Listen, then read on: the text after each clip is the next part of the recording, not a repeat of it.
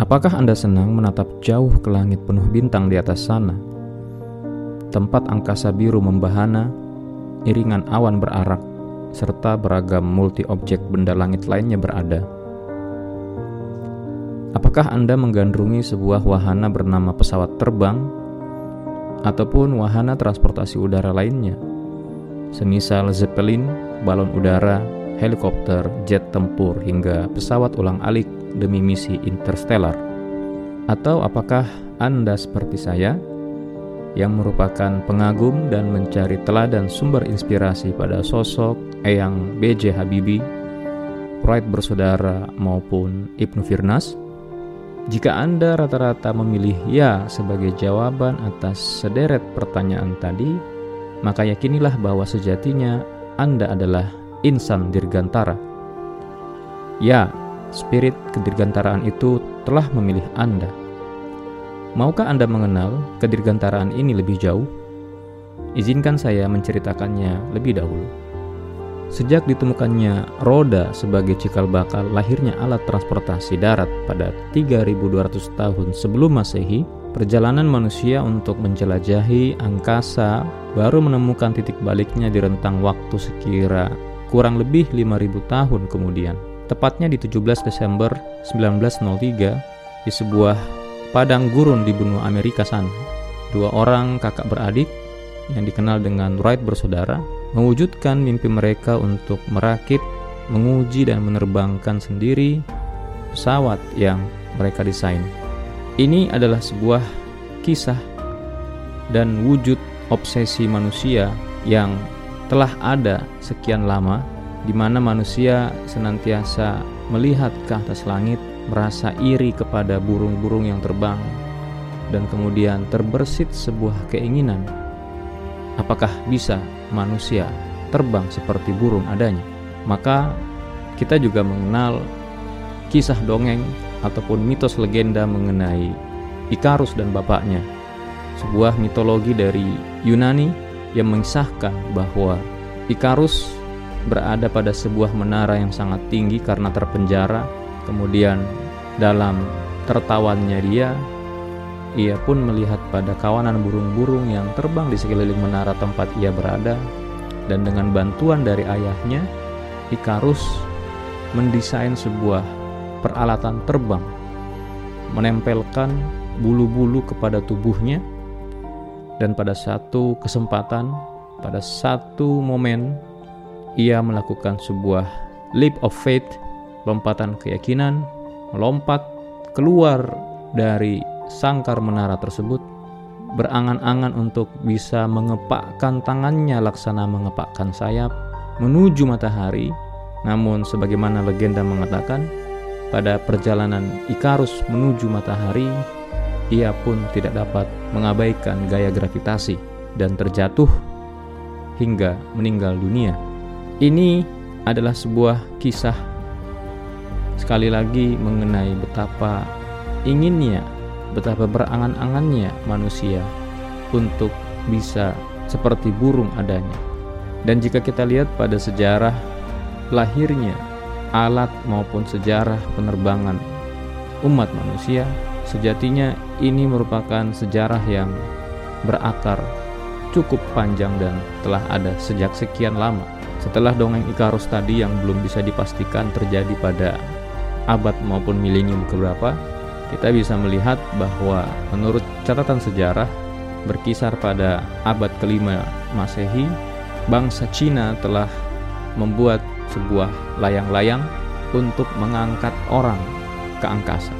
Lompatan sejarah lebih tinggi lainnya terjadi di benua Eropa, di negeri Spanyol yang mana saat itu mengalami suatu kebangkitan ilmu pengetahuan dan teknologi yang merupakan dampak dari masuknya peradaban Islam di benua Eropa khususnya di negeri Spanyol tersebut di mana seorang penyair, seorang polimet yang bernama Ibnu Firnas melakukan serangkaian studi, eksperimen, dan dikatakan bahwa ialah orang pertama yang berhasil membuat sebuah kerangka yang dapat membantunya melayang di udara. Kisah mengenai Ibnu Firnas adalah kisah yang sebetulnya cukup jarang diangkat dalam sejarah mengenai penerbangan, namun ini memiliki pijakan yang cukup relevan dan akurat menurut beberapa referensi dan sumber yang ada. Adapun pada abad ke-15, seorang artis atau seniman yang juga seorang inventor yang sangat kreatif yaitu Leonardo da Vinci dalam catatan buku hariannya ditemukan sebuah ilustrasi, sebuah desain sketsa atas apa yang disebut sebagai ornitopter. Yang dikatakan bahwasanya desain Leonardo da Vinci ini mengambil inspirasi dari apa yang telah didemonstrasikan dan dipelopori oleh Ibnu Firnas pada abad ke-9 yang lalu. Kemudian pada abad ke-17, seorang penemu dari Italia, Tito Livio Burattini, juga membuat sebuah model dari pesawat udara yang memiliki empat sayap yang berfungsi sebagai pemberi daya angkat yang diharapkan membuat sayap pesawat tersebut diharapkan membuat pesawat ini bisa melayang.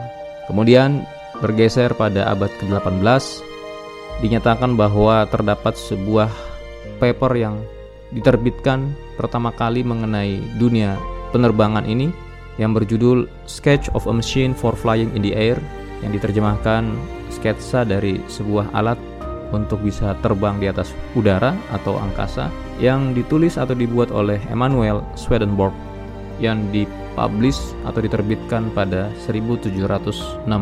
Peralatan terbang ini terdiri dari sebuah rangka ringan yang ditutupi oleh sebuah kanvas yang cukup tebal dan kemudian terdapat sayap yang bisa bergerak pada sumbu horizontal yang kemudian disusun sedemikian rupa sehingga mampu menghasilkan daya angkat. Ini adalah sebuah pijakan dari panjang rangkaian upaya manusia, manusia-manusia yang memiliki cita-cita yang bisa dikatakan gila dan melampaui zamannya, sebuah impian dan obsesi untuk merengkuh dan mewujudkan bagaimana manusia bisa terbang mengangkasa. Tidak berhenti dan berhasil di situ saja, perjalanan iterasi dan inovasi ini terus berlanjut, di mana di tahun 1783 Montgolfier bersaudara membuat hot air balloon untuk bereksperimen bagaimana menjadikan balon udara ini bisa mengangkut manusia di dalamnya. Kemudian pada 16 Mei 1793, seorang penemu dari Spanyol, Diego Marin Aguilera, berhasil menyeberangi sebuah sungai yang bernama Sungai Arandila di Coruna del Conde Castil dan berhasil terbang sejauh 300 atau 400 meter dengan alat yang dia buat. Tibalah kita pada abad ke-20 yang menjadi titik balik maupun episode terbaru dari pengembangan dan penemuan basis-basis dalam menciptakan pesawat udara ataupun wahana terbang. Ada seseorang yang bernama Sir George Cayley yang mendapat julukan sebagai bapaknya pesawat terbang yang di mana pada tahun 1846 dia melaksanakan serangkaian studi dari ilmu fisika terbang dan kemudian berdasarkan studi tersebut membuat desain dari konsep pesawat terbang yang lebih modern yang lebih berat dari udara. Tentu ini adalah upaya yang belum membuahkan hasil yang diharapkan, namun studi-studi yang telah dilakukan oleh Sir George Kelly ini telah memberi kontribusi pada sisi dunia kedirgantaraan maupun aeronautics yang mencakup upaya mengklarifikasi ide-ide dan menentukan prinsip-prinsip dasar bagaimana menciptakan mekanisme terbang, kemudian memahami prinsip-prinsip terbang secara mekanis dari terbangnya seekor burung, kemudian melaksanakan serangkaian eksperimen aerodinamis untuk memahami seperti apa itu yang namanya drag, daya hambat, pergerakan dari pusat tekanan dan bagaimana meningkatkan lift atau daya angkat berdasarkan bentuk dari permukaan sayap. Namun tidak ada momen yang lebih monumental dalam upaya umat manusia bisa terbang mengudara mengangkasa selain kisah keberhasilan Wright bersaudara. dengan mengambil inspirasi dan meneruskan kerja-kerja serta aspirasi dari manusia-manusia yang telah bekerja lintas zaman, lintas waktu, dan dengan berbagai latar belakang, Wright bersaudara memiliki keyakinan yang kukuh bahwasanya upaya mereka untuk mendesain sebuah peralatan terbang, pesawat udara, wahana udara bisa dilaksanakan. Dan pada sebuah momen yang bersejarah di 17 Desember 1903 disaksikan oleh para masyarakat yang hadir ikut menyaksikan demonstrasi dan pertunjukan yang monumental tersebut, sejarah kemudian mencatat bahwa itu adalah kali pertama pertunjukan eksperimen yang berhasil di mana sebuah wahana bisa melayang di udara dan menariknya itu merupakan sebuah penerbangan yang terkontrol atau dapat dikendalikan kemudian menggunakan tidak lagi tenaga manusia tetapi lebih bersifat motorik dan dapat melayang secara signifikan. Para muda-mudi, jiwa muda, insan dirgantara. Kilasan sejarah yang tadi disampaikan membuktikan bahwasannya obsesi manusia untuk bisa terbang mengangkasa pada dasarnya merupakan dorongan intrinsik yang tidak dapat diabaikan begitu saja itu adalah sebuah dorongan yang membuktikan bahwasannya we belong to the sky, we belong to the star, and we belong to something divine up above us. Orang-orang yang meskipun kakinya berpijak pada bumi, namun senantiasa tatapannya nanar jauh mengangkasa ke atas langit, ke atas mega-mega, hingga ingin menjelajah planet-planet, gugusan tata surya dan galaksi dan pojok-pojok alam semesta, inilah orang-orang yang terpanggil Inilah orang-orang yang memiliki gairah yang sangat besar untuk menjadi seorang petualang alam semesta. Dalam istilah yang lebih sederhana, inilah orang-orang yang menjadi insan-insan dirgantara. Ini adalah sebuah nama atau istilah dengan banyak wajah, sebuah identitas dengan begitu banyak perwujudan dan aktualisasi. Namun, dirgantara adalah sebuah kecintaan dan keniscayaan bagi yang telah mengenalnya. Bangsa kita, bangsa Indonesia, adalah bangsa yang sangat besar, bangsa yang memiliki peradaban yang cukup lama, dan akan halnya dengan legenda Ikarus, bangsa kita pun memiliki pijakan legendanya tersendiri melalui sosok Gatot Koco yang dikisahkan dapat terbang, melesat sangat cepat, menjadikan dirinya bisa lighter dan air, lebih ringan daripada udara, sekaligus memiliki kekuatan fisik yang sangat kokoh. Secara historis, perjalanan bangsa Indonesia melalui revolusi kemerdekaan, kemudian mengisi kemerdekaan, masa pembangunan, dan era-era selanjutnya tidak terlepas dari upaya untuk menguasai teknologi kedirgantaraan tersebut. Bung Karno memberikan seruan dan kesempatan kepada muda-mudi yang mampu dan lolos seleksi saat itu untuk belajar ke luar negeri. Dan di antara muda-mudi yang kemudian terpilih untuk melaksanakan studi di luar negeri tersebut. Salah satunya ialah orang yang kita kenal sebagai Baharudin Yusuf Habibi. Beliau mengenyam pendidikan yang cukup bergengsi, mempelajari sebuah disiplin ilmu yang sangat-sangat spesial dan berdasarkan sejarah pencapaian beliau merupakan salah satu guru besar pemimpin industri, dan pionir maupun penemu di dunia kedirgantaraan tersebut. Beliau terkenal dengan julukan sebagai Mr. Crack atas kontribusi dan penemuan dari penelitian maupun studinya untuk menghitung rambatan retakan pada struktur rangka pesawat yang kemudian merupakan sebuah terobosan untuk mengatasi permasalahan crack ataupun retakan pada struktur pesawat tersebut. Beliau kemudian dipanggil pulang oleh Presiden Soeharto untuk kemudian membidani lahirnya BPPT dan kemudian mengembangkan dan menjadi peletak dasar keindustrian kedirgantaraan Indonesia melalui IPTN Industri Pesawat Terbang Nasional yang saat ini berganti nama menjadi PTDI PT Dirgantara Indonesia.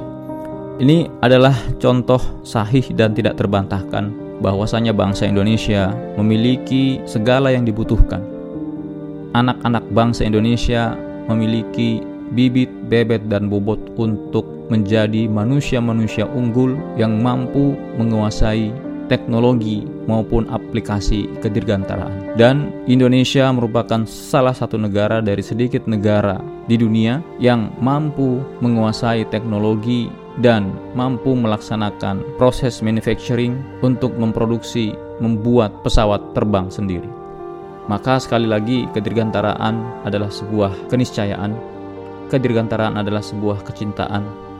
Kedirgantaraan pula merupakan salah satu jawaban bagaimana jalan dan upaya bangsa Indonesia untuk mampu menjadi bangsa yang unggul, maju dan berdaya saing di tengah-tengah kancah persaingan global dewasa ini. Maka marilah kita terus melihat ke atas angkasa raya sana.